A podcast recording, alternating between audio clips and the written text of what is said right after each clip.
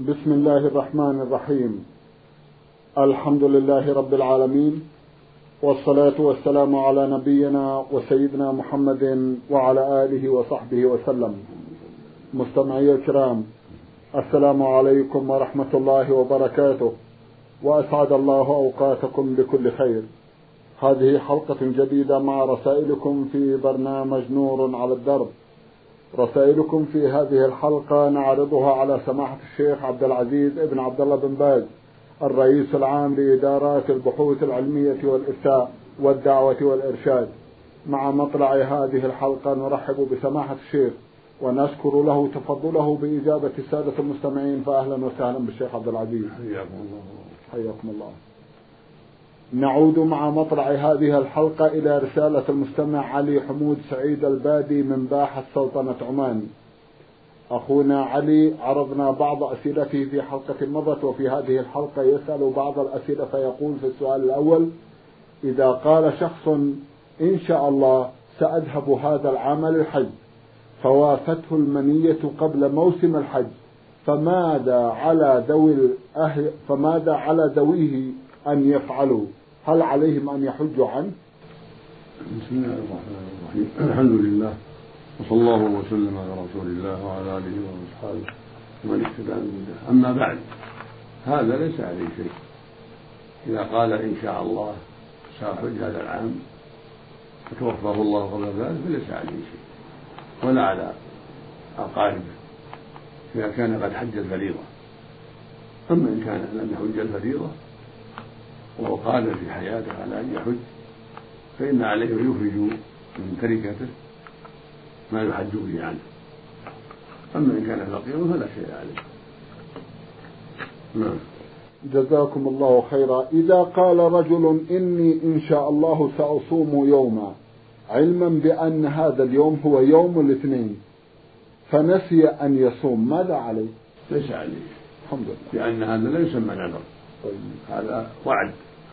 معلق بالمشيئة فلم يشاء الله له ذلك. قال إن شاء الله أصوم يوم الخميس إن شاء الله أصوم الاثنين إن شاء الله أزور فلان إن شاء الله أحج وإن شاء الله أصلي الضحى. كل هذا لا شيء عليه لا لا يفعل ذلك. نعم.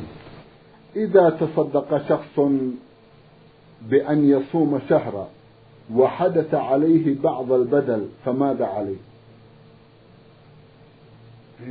يقول إذا تصدق شخص بأن يصوم شهر وحدث عليه بعض البدل ماذا عليه؟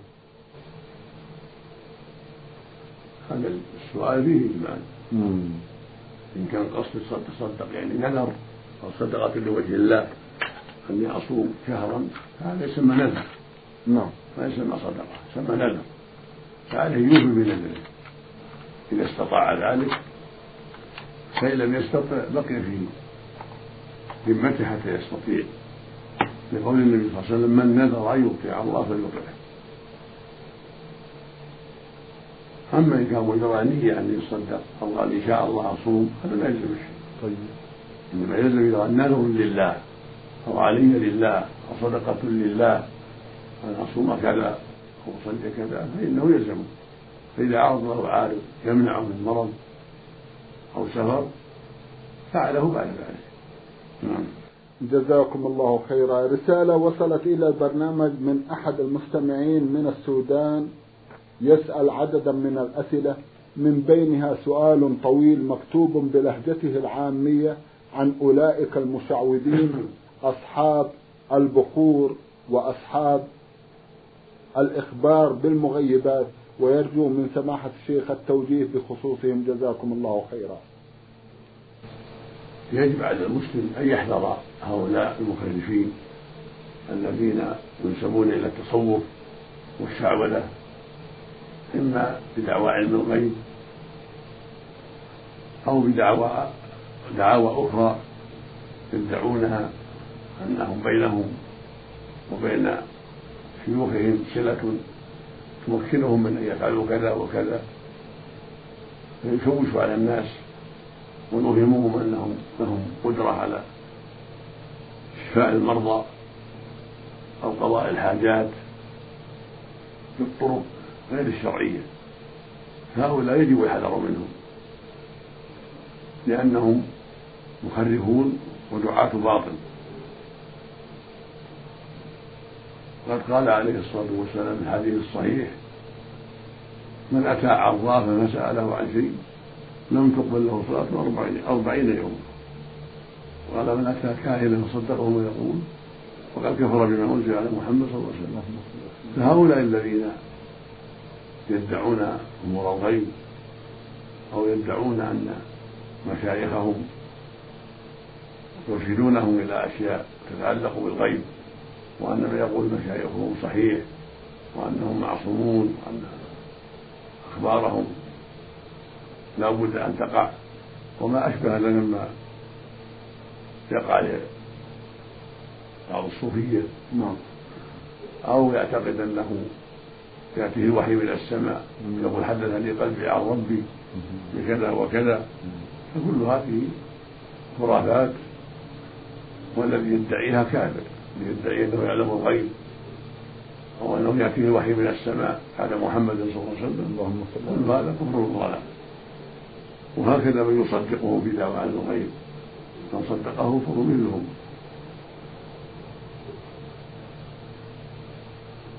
وإذا جعل بخورا أو غيره من الأشياء التي يشوش بها أو يلبس بها فلا يلتفت إليه. العمدة العمدة على ما يقول. إذا كان يدعي علم الغيب. أو يدعي أنه يكرم الجن وأن الجن هم اللي يكفرون بالمغيبات أو ما أشبه ذلك. هذا من الخرافيين ومن المشعوذين فيجب الحذر منهم وعدم سؤالهم وعدم تصديقهم. ومتى ظهر منه أنه يدعي علم الغيب أو أنه يعبد الجن ويخدمهم بالطاعات والذبح لهم والنذر لهم صار بذلك مشركا إما لدعوى علم الغيب وإما لكونه يعبد الجن. ويستغيث بهم وينظر لهم ونحو ذلك. وإذا زعم أنه يعرف الأشياء بالطرق الأخرى فهو كذاب. لقصده التلبيس لأنه لا يعلم مغيبات إلا الله سبحانه وتعالى. أما إذا كان يداوي المريض بالدواء بالأدوية المعروفة الحسية كما يفعل الأطباء المعروفون يداوي بالكي يداوي بأشياء يستعملها مأكولات أو مشروبات أو مروحات جربت ونفعت. ولا يدعي علم الغيب ولا يخدم الجن هذا لا حرج عليه. هذا طب شعبي قد يتاته الناس فيما بينهم قد يعتاد الناس أشياء يعرفونها فيما بينهم من أنواع من المأكولات أو المشروبات أو الدهونات والمروحات أو الكي هذا لا بأس به. إذا كان سليما ليس معه دواء عن الغيب وليس معه عبادة الجن كانت العرب وغالب الناس على هذا فيما فيما مضى. يعرفون عادات يفعلونها ويعالجون بها ويتطببون بها فقد تنفع وقد لا تنفع. وليست من علم الغيب. نعم. ولا من خدمة الجن بل هي أمور يحتاجوها من أشربة أو مأكولات أو بخور يتبخر به وينفع الله به أو ما أشبه ذلك من الأمور الواضحة. الظاهرة التي ليس فيها تلبيس ولا عبادة للجن ولا دواء للغيب وهكذا الكي نعم. جزاكم الله خيرا. أخونا أيضا يست... يسرد قضايا كثيرة حول مثل هؤلاء ويسأل أيضا عن حكم الصلاة خلفهم. هل تجوز أو لا؟ مثل ما تقدم إذا كان ممن يدعي من الغيب أو يعرف بعبادة الجن هذا لا يصلى خلفه لأنه كافر. نعم. ويجب على أهل الإيمان حجره والتحذير منه ورفع أمره إلى ولاة الأمور إذا كان في بلاد يمكن أن يحكم عليه ويمنع عليه فيجتهدوا يجتهدوا في القضاء عليه من طريق ولاة الأمور ويحذر الناس منه ولا يصلى خلفه أما إذا كان دواءه بالدواء المعتاد العلاج المعتاد بين الناس الذي ليس فيه عبادة للجن وليس فيه دعوى علم الغيب وإنما هي أمور معروفة معتادة بين الناس يستعملها في علاج المرضى فينفع الله به. فهذا لا حرج عليه. وإذا كان أهل الإيمان اصلح له جزاكم الله خيرا. رسالة وصلت إلى البرنامج من المستمع أحمد البابطين من الدمام يسأل في سؤاله الأول ويقول بما تنصحون في كيفية التعامل مع المبتدعة الذين نراهم؟ ونتكلم معهم ونتعامل معهم كل يوم تقريبا. الواجب هجرهم على بدعتهم إذا أظهروا بدعة فالواجب هجرهم بعد النصيحة والتوجيه؟ فإن المسلم ينصح أخاه ويحذرهم مما حرم الله عليه البدع والمعاصي الظاهرة. فإن تاب وإلا استحق أن يهجر ولا يعامل لعله يتوب لعله يندم لعله يرجع إلى الصواب. إلا إذا كان الهجر يترتب عليه ما لا تحمد العقبى فإنه يتوب إذا كان تركه أصلح في الدين وأكثر الخير وأقرب إلى النجاح. فإنه لا يهجر بل يداوي نصحه وتحذيره من الباطل ولا يهجره رجاء أن يهدي الله بسبب ذلك فالمؤمن كالطبيب. إذا رأى العلاج نافعا نعم. فعله. وإذا رأى أنه ليس بنافع تركه. فالهجر من باب العلاج. فإن كان الهجر يؤثر خيرا وينفع هجر. وصار ذلك من وكان كان ذلك من باب العلاج. لعله يتوب ولعله يرجع عن الخطأ إذا رأى من إخوانه أنهم يهجرونه. أما إذا كان الهجر يسبب مزيدا من الشر وكثرة عن الشر وتعاونه فإنه لا يهجر ولكن يديم النصر والتوجيه وإظهار الكراهة لما عمل ولا يبين له موافقته على باطله ولكن يستمر في النصيحة والتوجيه. جزاكم الله خيرا. ما حكم الصلاة وراء من يبسمل قبل الفاتحة عند الصلوات الجهرية؟ هل تجوز الصلاة وراءه؟ لا بأس بذلك لأن بعض أهل العلم يرى شرعية الجهر بها. فلا حرج في ذلك. لكن الأفضل الإسرار بها. كان النبي صلى الله عليه وسلم يسر بها في الجاهلية عليه الصلاة والسلام. وروي عن بعض الصحابة الجهر بها. فإذا جهر بها بعض الناس يصلح عنه لأنه قول معروف بعض أهل العلم. جزاكم الله خيرا. المستمع عمر الدين السيلاني من كولومبو بسريلانكا بعث برسالة ضمنها جمعا من الأسئلة. في أحد أسئلته يقول يقول العلم إن الإنسان يفكر بالمخ ولكن هناك بعض الآيات في القرآن الكريم وكذلك بعض الأحاديث للنبي صلى الله عليه وسلم تشير إلى القلب. مثلا أوليس الله بأعلم بما في صدور العالمين؟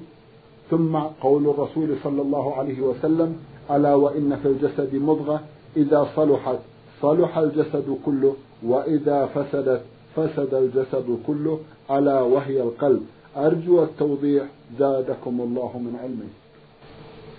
ليس هناك منافاة بين ما في النصوص أن القلب هو محل الصلاح والفساد وما يقول الأطباء من جهة المخ فإن الدماغ له صلة بالقلب والقلب له صلة بالدماغ كما قال أهل العلم. ولهذا قال جل وعلا في كتابه العظيم أفلم يسيروا في الأرض فتكون لهم قلوب يعقلون بها فجعل العقل يتعلق بالقلب.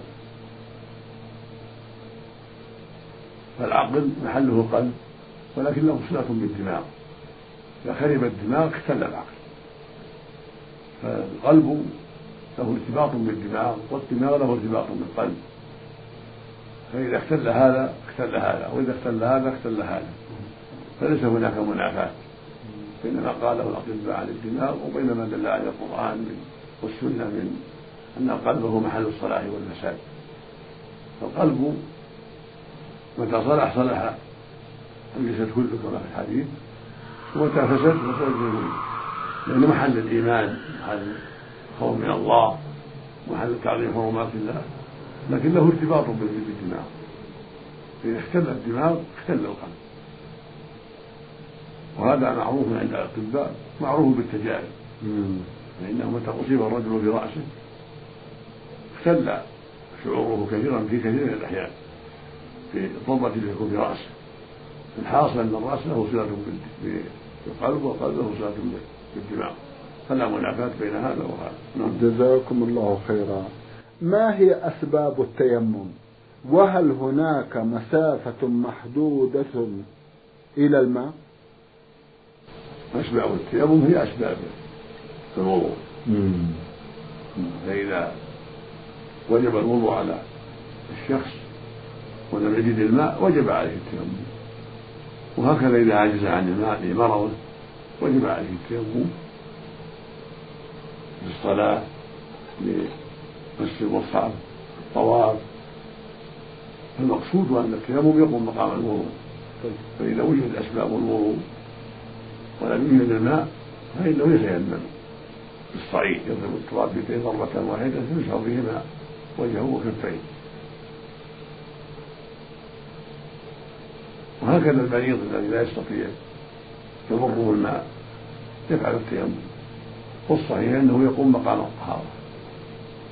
يرفع الحدث إلى وجود الماء. فإذا تيمم للظهر صلى بها العصر إذا كان على طهاره وهكذا لو تيمم المغرب صلى بالعشاء إذا كان على طهاره أو تيمم لصلاه الضحى وبقي على طهاره حتى جاء الظهر صلى بذلك. كما في الحديث الصعيد وضوء المسلم. وإن لم يجد الماء عشر سنين. والله جل وعلا سمى التيمم طهارة قال جل وعلا فلم تجدوا ماء فتيمموا صعيدا طيبا. فامسحوا بوجوهكم وايديكم منه. ما يريد الله أن يجعل لكم حرج ولكن يريد يطهركم ولكم نعمته عليكم لعلكم تشكرون. ويقول صلى الله عليه وسلم جعلت لي الأرض مسجدا وطهورا. وجعل التيمم طهورا كما أن الماء طهور.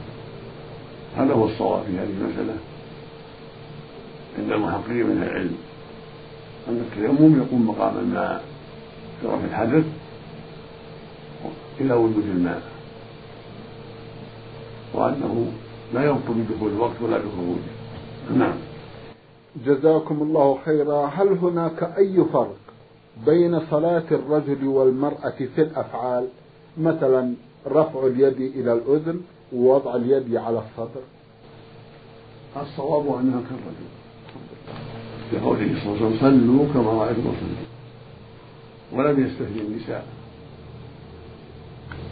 فما شرع للرجال من رفع اليدين ووضع اليدين على الصدر ووضعها في الركوع على الركبتين ووضعها في السجود حيال المنكبين أو حيال الأذنين كلهم في حق الرجل والمرأة جميعا. وهكذا كونها تقرأ الفاتحة وما تيسر معها في الأولى والثانية من الظهر والعصر المغرب والعشاء وهكذا في الفجر تقرأ مع الفاتحة ما تيسر. وفي الثالثة من المغرب تقرأ الفاتحة فقط. وفي الثانية والرابعة من من العشاء. والظهر والعصر تقرأ الفاتحة. المقصود كالرجل نعم. جزاكم الله خيرا. من جمهورية مصر العربية مدينة السلوم محافظة مطروح. هذه رسالة بعث بها مستمع من هناك يقول فتحي محمد مؤمن. الأخ فتحي ضمن رسالته جمعا من الأسئلة في أحدها يقول أنا أعيش في مكان يوجد فيه أناس يدعون أنهم من المسلمين. يصلون ويزكون ويصومون ويحجون ولكنهم يعتقدون في الأموات. ويقول إن الولي الميت أو الشيخ واسطة عند الله ويتبركون به ويستعينون بهذا الميت الولي ويزورونه وينذرون له النذر ويشدون إليهم الرحال وإذا نصحتهم قالوا هؤلاء أولياء يجب التقرب إليهم ويكرهون من يمنعهم ويكرهون من يمنعهم وينصحهم بأن لا يعبدون الأموات والأولياء. ماذا نفعل؟ وهل نتركهم على ما هم عليه؟ جزاكم الله خيرا. هذه مصيبة عظيمة واقعة في بلدان كثيرة. والواجب على أهل العلم أن يرشدوا الناس إلى حقيقة التوحيد وحقيقة الشرك حتى يعلم هؤلاء العوام بطلان ما هم عليه. كونه يصلي ويحج ويصوم ويزكي ثم يعبد غير الله هذا يبطل عمله. قال تعالى ولو أشركوا لحبط عنهم ما كانوا يعملون. قال سبحانه ولقد أوحي إليك وهي الذين من قبلك. لئن أشركت ليحبطن عملك ولتكونن من الخاسرين. فدعاء الأموات والاستغاثة بالأموات والنذر لهم والذبح لهم هذا شرك أكبر. ينافي التوحيد الذي هو معنى لا إله إلا الله. وينافي ما دلت عليه الآيات من وجوب إخلاص العبادة لله. كما في قوله سبحانه إياك نعبد وإياك نستعين. قوله سبحانه وما أمروا إلا ليعبدوا الله مخلصين له الدين حنفاء قوله عز وجل يا أيها الناس اعبدوا ربكم. وقضى ربك ألا تعبدوا إلا إياه. فاعبد الله مخلصا له الدين. ألا لله الدين الخالص فلا تدعوا مع الله أحدا. ومن يدعو مع الله إلها آخر لا برهان له. فإنما حسابه عند ربه. إنه لا يفلح قال سبحانه ذلكم الله ربنا الملك والذين تدعون من دونه ما يملكون من قطرين إن تدعوهم لا يسمعوا الدعاء. ولو سمعوا استجابوا له ويوم القيامة يكفرون بشرككم. ولا ينبئك مثل خبير سبحانه وتعالى. فجعل دعاءهم للأموات والأصنام الشيار والأحجار شركا بالله عز وجل. فالواجب تنبيه هؤلاء وتحذيرهم. وحث العلماء على تنبيههم وتحذيرهم حتى يتبصروا ويعلموا أنهم على باطل وعلى شرك. وأن صلاتهم تحبط بذلك وهكذا صومهم وزكاتهم وحجهم وأعمالهم الأخرى. حتى يخلصوا العبادة لله وحده.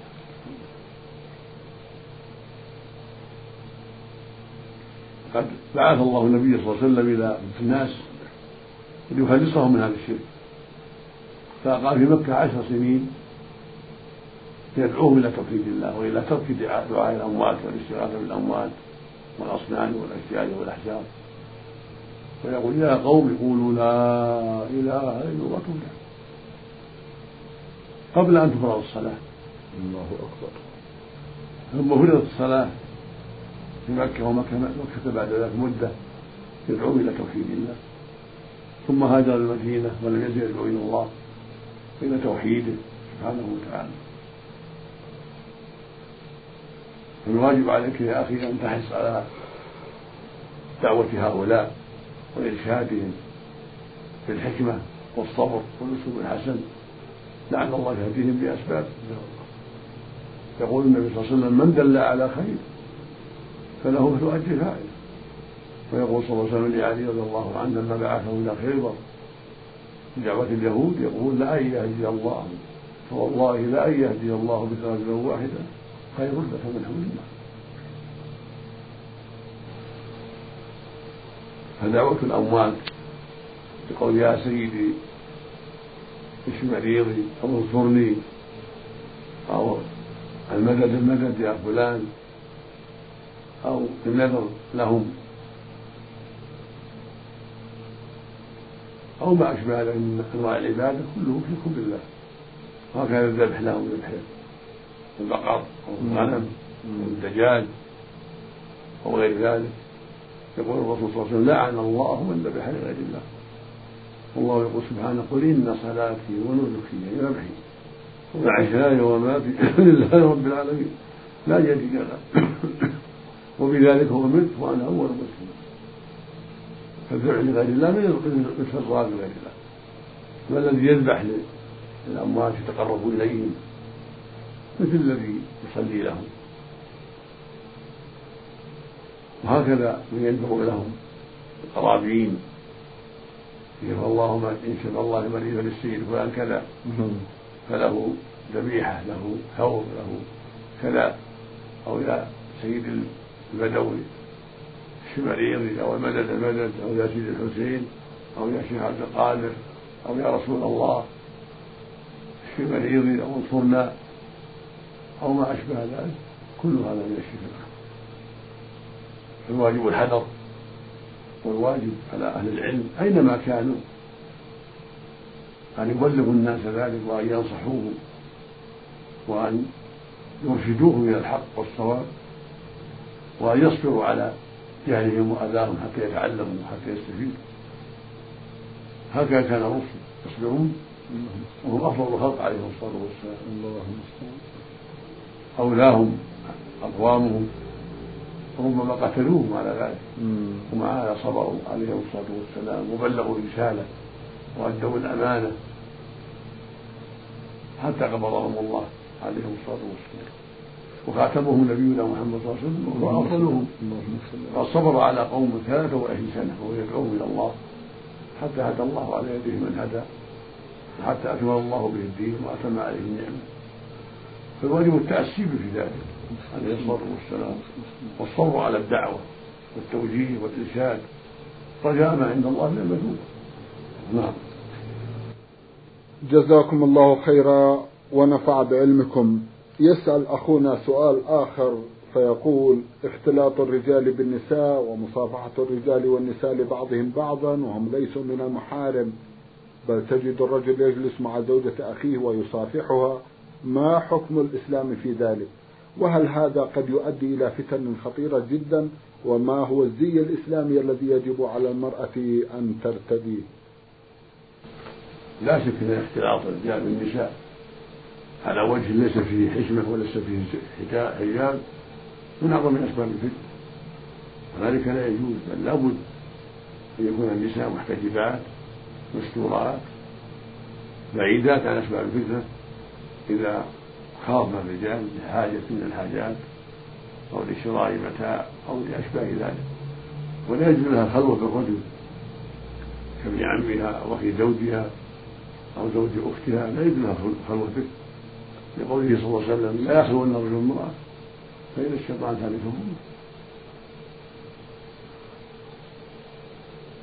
فالواجب على النساء التحجب والحذر من أسباب الفتنة وأن لا يخالط الرجال المخالطة. تحصل بها الفتنة وأن لا تخلو المرأة بالرجل وأن لا تسافر معه. كل هذا من أسباب الفتنة. وهكذا المصافحة ليس أن تصافح الرجل إلا إذا كان محرما لها كأخيها وعمها لأن المصافحة فيها فتنة أيضا. فليس لها أن تصافح الرجل إلا إذا كان محرما لها كعمها وأخيها ونحو ذلك. وعند الحاجة إلى اختلاط بالرجال تكون مستورة متحجبة بعيدة عن أسباب الفتنة حتى تأخذ حاجتها من السوق ثم تنصرف يقول الله جل وعلا لأزواج النبي صلى الله عليه وسلم وقرن في بيوتكن ولا تبرجن تبرج الجاهلية الأولى. معنى قرن يعني اقررنا في بيوتكن يعني يلزمنا البيوت إلا إذا كان الخروج لحاجة ومصلحة ثم نهاهن عن التبرج. فقال ولا تبرجن تبرج الجاهلية الأولى والتبرج هو إظهار هو إظهار المحارم وبناته هذه هذا هو التبرج. تظهر محاسنها ومساكنها بين الرجال كوجهها وشعرها ورقبتها أو يدها قدمها صدرها. كل هذا من أسباب الفتنة. الواجب أن تكون مستورة متحجبة بعيدة. عن أسباب الفتنة وهكذا التغنم بالقول والخضوع بالقول يمنع لقوله سبحانه وتعالى في كتابه العظيم يا نساء النبي لستن كأحد الناس من النساء. لستن كأحد الناس. إن اتقيتن فلا تخضعن بالقول. فيطمع الذي في قلبه مرض. يعني مرض الشهوة. فالخضوع بالقول للرجال واللين من أسباب الفتنة بل يجب أن يكون الصوت معتدلا. ليس فيه عنف وليس فيه خضوع ولكن صوت عادي مع الرجال. لا بأس بالصوت مع الرجال ليس بعورة. ليس بعورة. وإنما العورة خضوعها وتغنجها وتكسرها بصوتها مما قد يطبع الرجال فيها. أما الصوت العادي فلا حرج في ذلك. كان النساء يكلمن النبي صلى الله عليه وسلم ويسأل أو ويكلم الصحابة رضي الله عنهم لا بأس بهذا. جزاكم الله خيرا. سماحة الشيخ في الختام أتوجه لكم بالشكر الجزيل بعد شكر الله سبحانه وتعالى على تفضلكم بإجابة السادة المستمعين. وآمل أن يتجدد اللقاء وأنتم على خير. مستمعي الكرام كان لقاؤنا في هذه الحلقة مع سماحة الشيخ عبد العزيز بن عبد الله بن باز الرئيس العام لإدارات البحوث العلمية والإفتاء والدعوة والإرشاد. شكرا لمتابعتكم وإلى الملتقى وسلام الله عليكم ورحمته وبركاته.